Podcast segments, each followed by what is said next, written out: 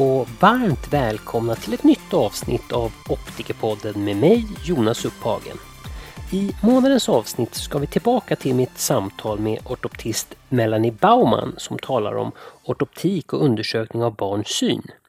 I den avslutande delen av ortoptik och barns syn så kommer Melanie Baumann bland annat prata om arbetsflödet kring cykloplegiska ögondroppar och vilka mätningar som Melanie önskar ska vara med på remissen från optikern. Så med de orden går vi över till intervjun.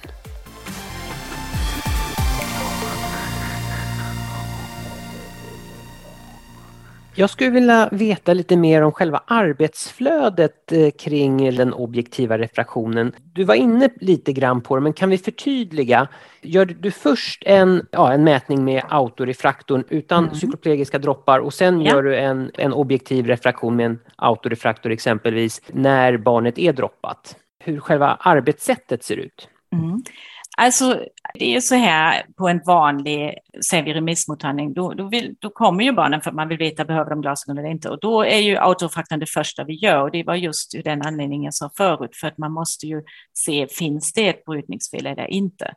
Sen går man in i rummet, i undersökningsrummet och så beroende på hur barnet är, om den vill medverka eller om den är rädd, så börjar man antingen med syntest eller med en, eh, den optiska undersökningen där man tittar om det finns skelning och så tittar man på samsyn och så.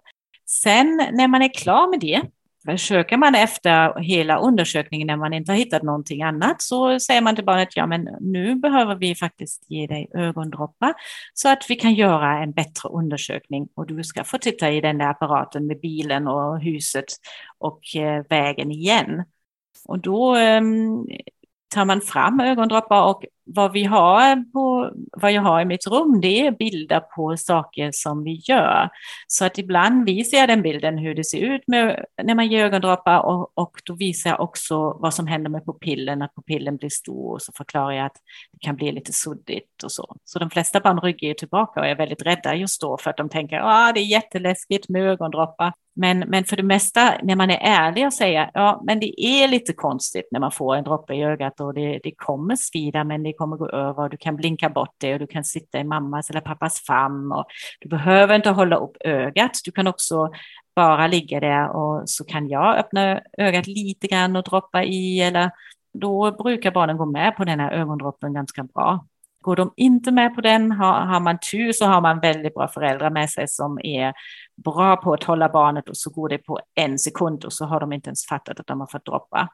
Och det är ju viktigt det att man, man avgör om det är verkligen, verkligen nödvändigt att droppa. Är det ett barn som är otroligt rädd, då är det bättre att bryta och att de får komma tillbaka.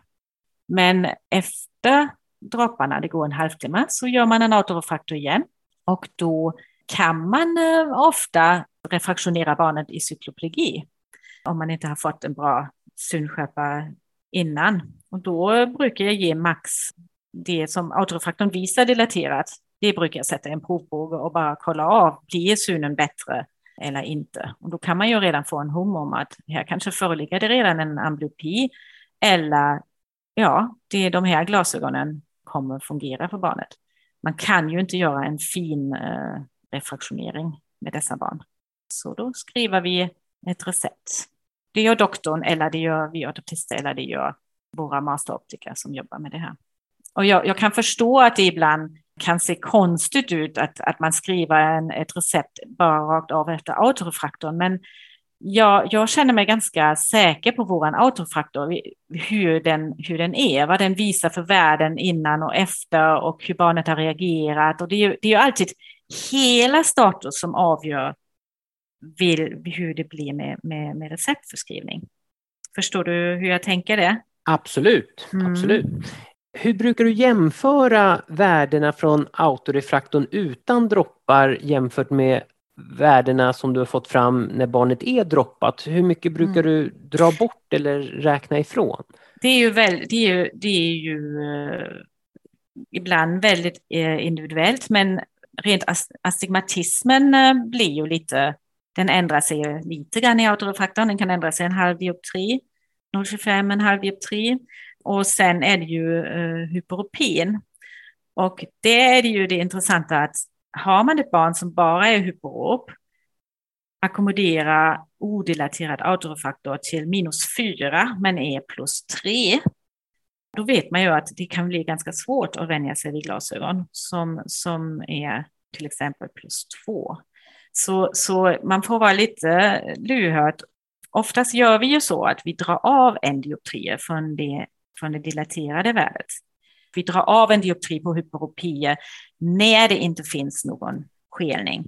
Då gör man ju så att man tittar på atorfaktorn, men sen finns det de här barnen som har problem med sin ackommodation och då ser man ju redan i den odelaterade autofaktorn att de ligger på plus. Och ligger de då på ännu mer plus när de har fått en eh, eftercyklopegi, då drar man också av en, men då, då, då kan man känna så här, ja men, men det här barnet kommer ju acceptera dessa glasögon lättare än det barnet som ackumulerar hejvilt. Och där finns det också en väldigt intressant tricks. Det är det här när barnen kommer på återbesök och glasögonen ser ut som nya. Helt jättefina och det har gått fyra, fem, sex månader. Och så säger de, ja men jag har mina glasögon hela tiden. Så sätter man dem i odilaterad autorefaktor så ackommoderar de fortfarande så mycket som de har gjort första gången. Och så kan man misstänka att glasögonen inte suttit på. Att de inte har använt glasögon i den omfattning de ska. Och det syns ju sen också på synskärpan, att inte synskärpan har gått upp ordentligt.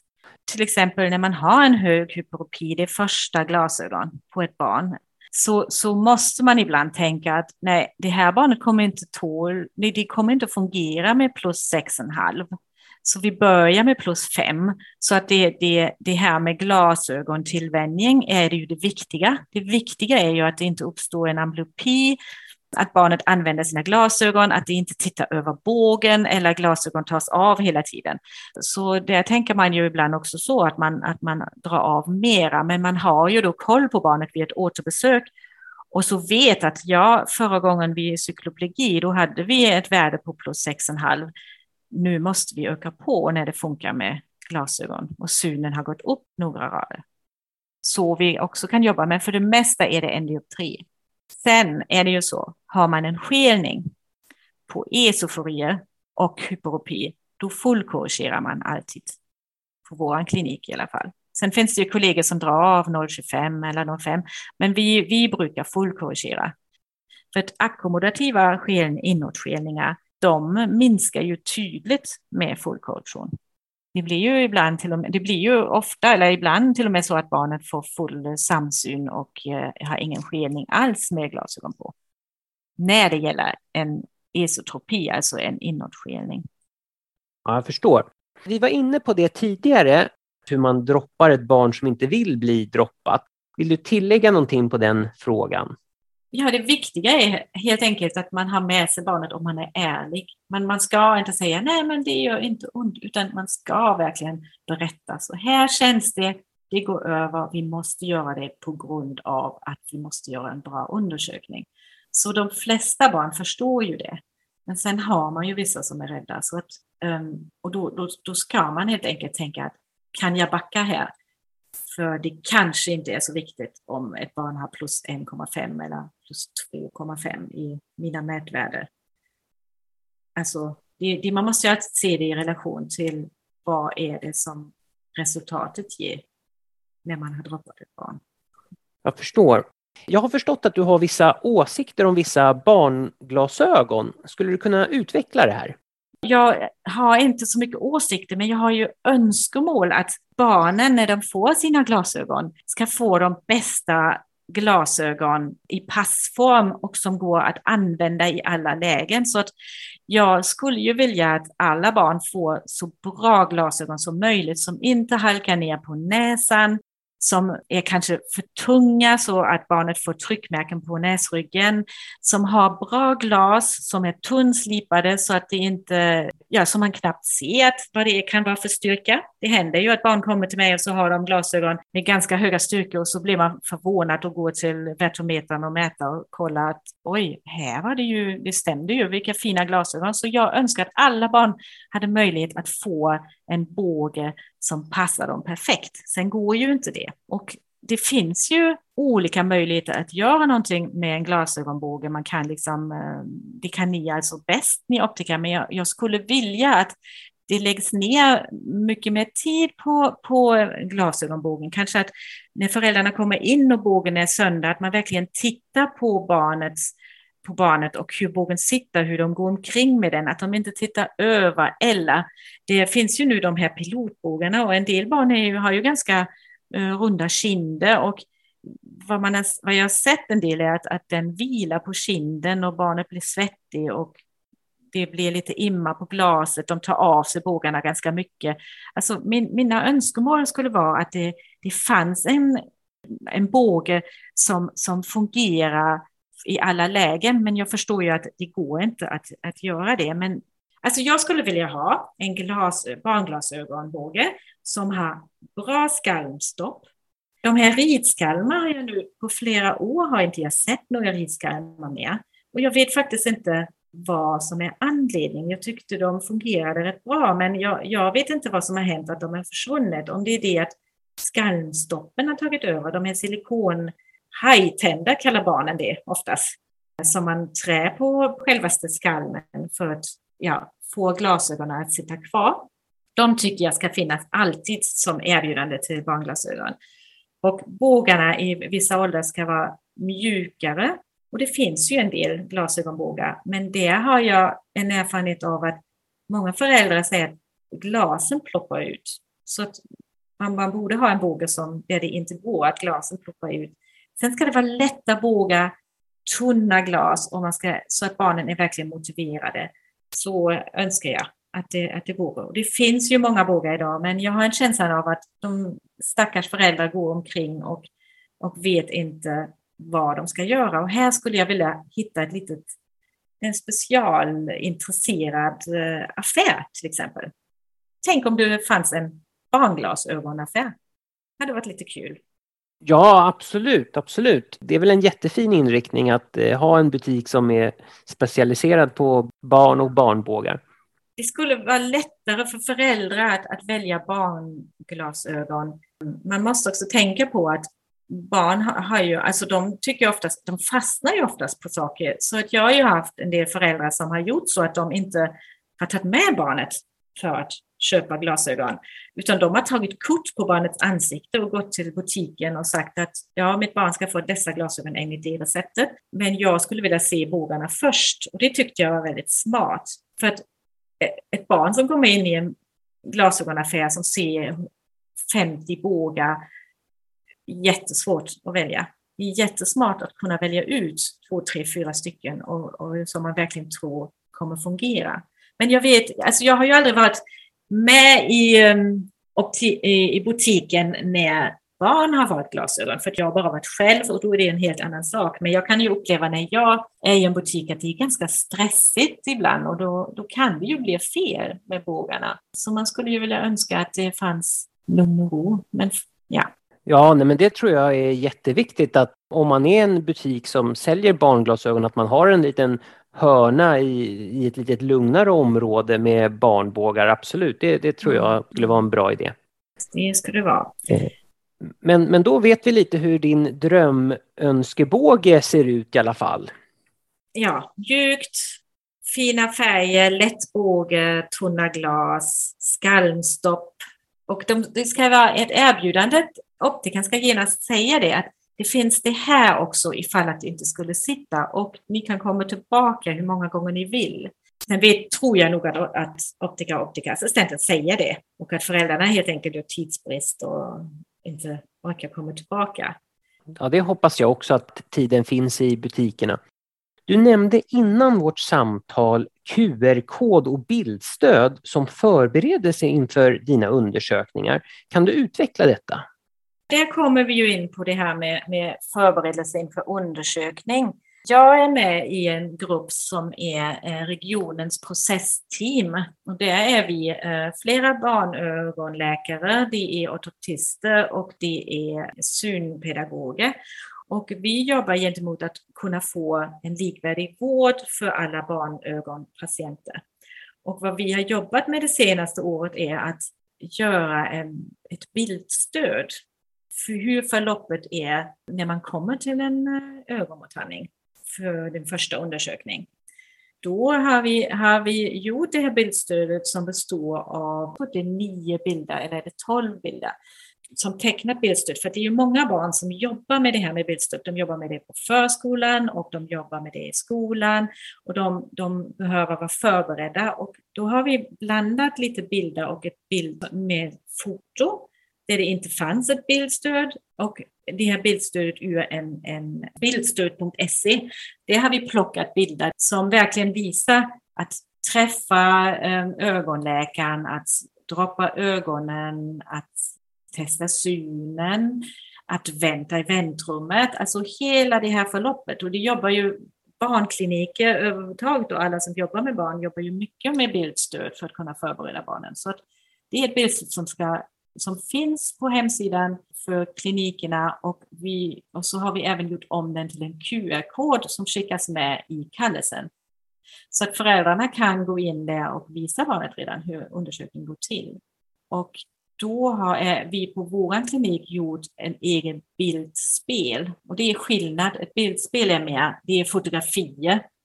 Och då har vi en fyraåring som, som kommer till oss på mottagning och då är, finns det även um, alltså ett kort på mottagningen, hur det ser ut och hur autorefraktorn ser ut, vad man ser i autorefraktorn. Och det här bildspelet, det kan man också titta på på vår hemsida på Capio och Lundby. Och eh, det finns även med som QR-kod i kallelsen så att barnen är så bra förberedda som möjligt. Ja, men då förstår jag. Om vi pratar lite relationen mellan optiker och ortoptister. Vilka undersökningar eller mätningar vill du eh, ska vara med i remissen från optikern? Mm.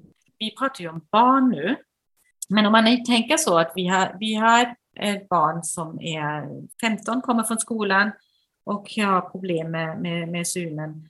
Och det handlar till exempel om ackommodationsproblem och så. Jag skulle vilja eh, önska att det fanns en mätning på till exempel positiv relativ ackommodation och negativ relativ ackommodation med. Därför att det är mycket lättare för optiker att göra det eh, än för oss i en provbåge.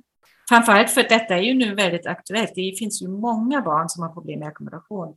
Och, det, och, och i en sån remiss skulle jag också vilja att när man skriver skelvinklarna till exempel, att man skriver hur har man mätt dem? För att vi har ju ibland, finns det ju en, en skillnad att, att vinkeln är mycket större hos optikern än den är hos oss, för att vi mäter ju alltid i fria rummet. Och det, ska man, det är viktigt att veta att vi gör ju inga vinkelmätningar i, apparat, i apparater, liksom. utan vi gör ju fria vinkelmätningar med prismastav och covertest så, och när man mäter ackommodation så använder vi ju mycket den här RUF-staven och det är svårt att göra de här ehm, PA och NA eh, på mottagningen. För det första har man inte den tiden när man ser ett sådant barn och, och för det andra är det också så att det är så svårt att växla mellan glasen i en provbåge.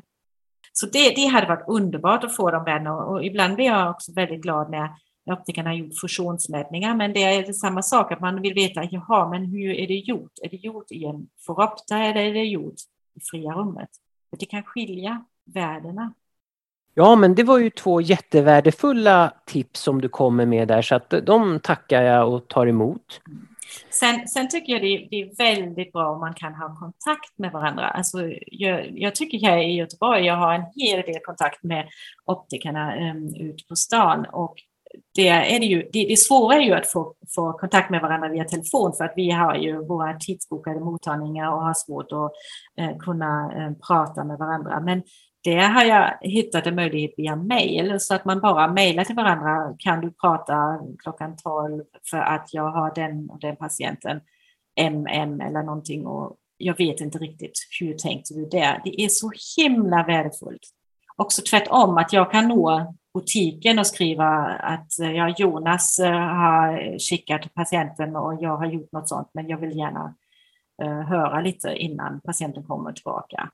Det är otroligt värdefullt att kunna jobba ihop kring patienten eller för er del som kunden för att veta hur har du tänkt, hur har jag tänkt och ha den kontakten. För jag, jag, tror att det, det, det ger så mycket för, för var och en av oss att, att veta hur man tänker ge så mycket stöd i hur man kan fortsätta behandla patienten och ge dem det bästa möjliga. Absolut. Och eh, jag funderar lite över här, vad tror du? Varför finns det inte fler butiker med optiker och ortoptister under samma tak? Vad är anledningen till det tror du? Alltså jag tror huvudanledningen är väl att som, som ortoptist eh, jobbar man i, i sjukvården och man behöver faktiskt en ögonläkare i, i bakgrunden för att kunna göra en hel eh, undersökning. Det finns ju en hel del eh, patienter som har andra eh, grundsjukdomar eller barn har syndrom och det är väldigt viktigt att, och barn under åtta år också kommer ju inte till eh, optikern. Så, att, så att det är ju, ortoptister jobbar mest i kliniken och vi har ju väldigt mycket patienter via få eh, ortoptister. Nu kommer det ju fler för att det utbildas ju fler eh, ortoptister just nu. Men jag tror att det är det som är anledningen att, att det inte finns eh, så mycket ortoptister hos optikern. Men vi har ju, det har, finns ju en och annan som ibland hoppar in i en optikerbutik och jobbar privat. Det vet jag. Så det, det, det är ju en rolig sak. Alltså det skulle jag tycka, alltså jag skulle ju tycka det var jätteroligt att ha vår lilla barnteam och så ha en, en optikerbutik i anslutningen. Och jag vet att det har ju funnits i Stockholm, att man har jobbat så. Men här i Göteborg finns det inte. Nej, jag förstår. Det hade varit väldigt värdefullt och jag ser ju det också um, när vi har uh, de masteroptiker som vi har hos oss att det är otroligt eh, givande att jobba ihop. Jag har, ju lärt mig, jag har ju lärt mig så mycket om det här med hur man ska tänka med glasögon och, och hur man ska tänka med pupillavstånd och, och det här med, med att läsa av eh, progressiva glas med prismor. Men nu är vi inne lite på boxen där. Men eh, mm, det, det, är så, det är värdefullt att jobba ihop och en, liksom veta att vi tänker faktiskt ganska mycket likadant, men vi använder helt olika uttryck i våra undersökningar. Hur menar du då? Ja, till exempel um, när vi, när vi um, använder, um, vad ska man säga, man har ju förkortningar som är väldigt olika. Till exempel, förstår vi egentligen varandra? Det undrar jag också. Kanske det är en sak man skulle ha i en remiss. Att, man, att både vi som, som, som skriver eh, remissvar och även optikern som skickar en remiss, att vi, vi skriver ut våra förkortningar. För att det, är lite, det kan vara lite svårt ibland att tyda. Ja, men jag mm. förstår. Alltså att, att kunna förstå varandra, det är ju det viktigaste så att det inte blir missförstånd kring patienten och kunden. Sen var det ju en sak också som är så viktigt som du efterfrågade och det var ju det här med att vad, vad kan vi förbättra när ett barn är åtta år avslutat på ögonkliniken och, och ska fortsätta hos optiken? Hur ska vi tänka kring det? Och, och det, det, är ju intressant för att vad som händer nu är ju ofta så att ja, barnet får sista receptet och så säger man ja, men nu kan du fortsätta hos optiken på stan. Och så kommer barnet till en optiker på stan och så vet ju inte optikern någonting. Det vet, vi vet oftast inte, är det här en amblyopi, är det en riktig synnedsättning, eh, vad är det här med skelning, har de inte åtgärdat den på ögonkliniken och så vidare. Så att det skulle det vara jättebra om, man, om, om vi kunde få en, en bättre kommunikation kring det här. Eh, och då har man ju bara pyttelite plats på till exempel det sista receptet, att kunna skriva någonting om ögonen. Och det är inte alltid så att barnen går tillbaka till samma optiker som de alltid haft när de är åtta år. Det kan hända att de byter optiker. Så då får ju inte den nya optikern all information. Så att där måste vi hitta ett bättre system. Ja, precis. Man kanske kunde skicka med en journalkopia med patienten mm. så, och uppmana patienten att visa det här för optikern så att optikern vet vad, vad vi har gjort för någonting. Och det, det fungerar ju så länge man har lämnat ett sista recept och lämnar ut den här journalkopian till föräldrarna. Föräldrarna inte glömmer det nästa gång när den kommer till optikern.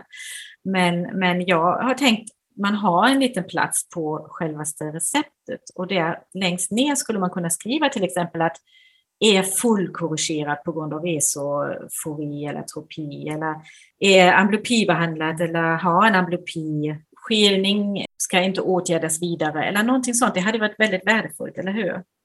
Absolut, absolut. Det skulle ju räcka än ett helt uh, journalkopia som, som glöms av föräldrarna. Absolut. Har du några tips till när det kommer till att utföra covertest på ett, eh, ett mindre barn, alltså ett barn under åtta år? Jag kan ju uppleva om man tittar på min dotter att eh, hennes blick far runt väldigt mycket. Ja. Så att det är svårt att få henne att koncentrera sig på ett objekt på nära eller långt håll. Har du några tips halv, där? Var hon ett halvår? Jo, ni, nio månader är hon nu. Nio månader är hon nu, ja. Ja, alltså du, du måste ju ha ett, ett fixationsobjekt som är intressant, helt enkelt. Alltså barnet ska fastna på, på den fixation, på fixationen och sen eh, vad man kan göra på de här mindre barn som är som din dotter. Där kan man bara lägga sin hand på huvudet på barnet och täcka för med sin tumme uppifrån. Förstår du hur jag menar? Du lägger handen på barnets huvud och så tar du ner tummen och så har du en fixationsobjekt och så håller du din tumme framför varje öga cover med din tumme. Okej. Okay. Mm, det, det, är lite, det är väldigt, väldigt lätt att göra. Då märker de ju inte att du, att du uh, cover. Sen, det är alltid bra att kunna cover med sin hand, för att barnen är ibland rädda för den här svarta covern. Okej. Okay. Och jag, jag, förstår ju att det, det, finns ju oerhört mycket att prata kring barns ögon och ortoptik. Och eh, vi, vi har väl bara egentligen eh, skrapat lite på ytan ja. på det här. Men ja, nu, nu börjar mina frågor ta slut här, men är det någonting som du vill tillägga? Ja, jag har en, ett tips om man nu får en åttaåring eller en nioåring som har varit på ögonkliniken och haft en amblopi. Om man då inte får upp synskärpan så kan man göra en, en, en sak. Man kan sätta en, en, alltså få barnet att sätta sig med bara ett öga en stund och sen testa om synen. För oftast är det så, har man haft en lappbehandling och synen har gått ner lite grann så kan man faktiskt på en timme eller så när man har satt en ögonlapp få upp synskärpan lite grann. Och då är det lättare att refraktionera. Har någon en amblyopi, det är inte alltid så att det, den synskärpan är alltså 0,4 utan om man sätter en lapp på det bästa ögat och låter patienten sitta en stund, en timme eller så, titta på sin mobil, gå omkring, komma tillbaka och testa om, så kan man oftast få upp synskärpan en, en, en, eh, lite grann. Okej, okay. ja, men det, det, kan jag, det kan jag ju tänka mig med mitt egna amblyopa öga. Att, Har du ett? Ja, precis. Att, ja, täcker jag för mitt bra öga, då, då upplever jag successivt att jag ser lite bättre med mitt amblyopa för att jag vänjer mig ju med att se lite sämre. Exakt, exakt. Att, så, eh, men det är inte att man vänjer sig, utan det är, det är också så att man kan få faktiskt lite bättre synskärpa där. Okay. Eh, och få ögat att medverka. Och det är ju lite lättare än om du bara byter öga i en undersökningssituation på en, på ett, på en amblyopikund eller patient. När man, om, man, om man låter det sitta ett tag så går det bättre att refraktionera. Skulle okay. du säga det går så på ditt öga? Ja, ja nej, vi har väl aldrig riktigt testat det utan brukar ju vara lite så här att ja, men, ja, vi, vi, lägger inte så mycket tid på mitt amblyopa öga precis, utan vi, vi koncentrerar precis. oss på mitt bra öga, det jag ja. ser bra. Ja, men det, att, det, det, kan vara värt ibland. Ja, absolut, ja, men jag förstår det. Men, men på din fråga om jag har någonting att tillägga. Jag skulle faktiskt um, uh, jag, jag skulle vilja avsluta med, med citat faktiskt att barnen, när de går ifrån ögonmottagningen, så ska de, så ska de känna sig, sig glad och lyckad, även om de har fått ett recept. Och då skulle jag vilja ta eh, Lotta på, på Bråkmakargatans, vad hon brukar säga, och det är så här, hon brukar säga så här, det är konstigt med mig, men jag kan så mycket. Det gillar jag väldigt mycket. Så här ska barnen känna när de går ifrån. De ska känna sig att de har gjort något bra. Ja, men det var ett fint citat från Lotta på Bråkmakargatan. Men eh, då vill jag bara helt enkelt tacka dig för att du tog dig tid att prata med mig i Optikerpodden. Tack så mycket själv. Det var väldigt trevligt. För att jag verkligen, jag älskar detta att jobba så här med mina barn och, och allting. Och jag, jag kan hålla på hur länge som helst. Det framgår verkligen att det här är ett område som du brinner för. Ja, verkligen. Och då har vi inte ens börjat med Prisma och vuxna som jag också älskar. Ja, okay, och, okay, och preoperativa okay. undersökningar för skeloperationer. Och vet, ortoptik, det är så roligt. Ja, nej, men jag, jag, jag hör ju det här. Vi får ta en del två i det här helt enkelt. Fantastiskt. Jätteroligt. Okej, okay. bra. Ja, tack så mycket. Vi ha det så bra. Hej då. Hej, hej. Som ni hör har Melanie jättemycket att prata om ortoptik här så att jag tror nästan att vi får spela in ett avsnitt nummer två eller tre kanske till och med i Optikerpodden. Avslutningsvis vill jag igen tacka Melanie för att hon tog sig tid att prata med mig i Optikerpodden. Och tack till alla lyssnare som valt att lyssna och jag hoppas att ni fått med er något nytt om ortoptik och barns ögon. Sist men inte minst så vill jag tacka Sveriges optikerförbund som hjälper till i skapandet av Optikerpodden. Vi hörs!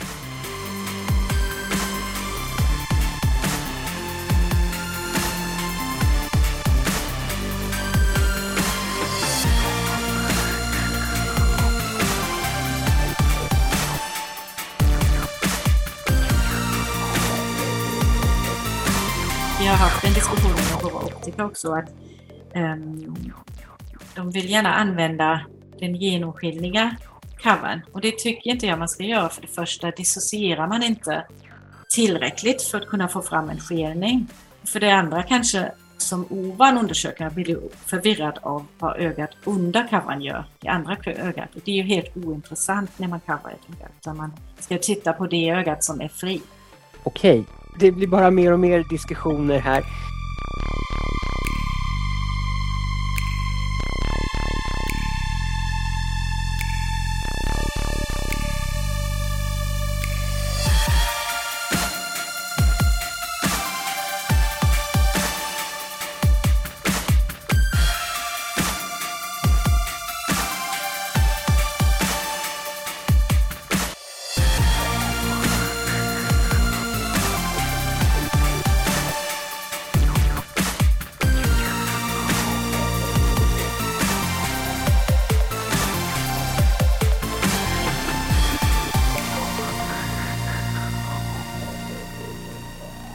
Ursäkta mig Jonas, det kom in ett barn här från skolan, lite oväntat.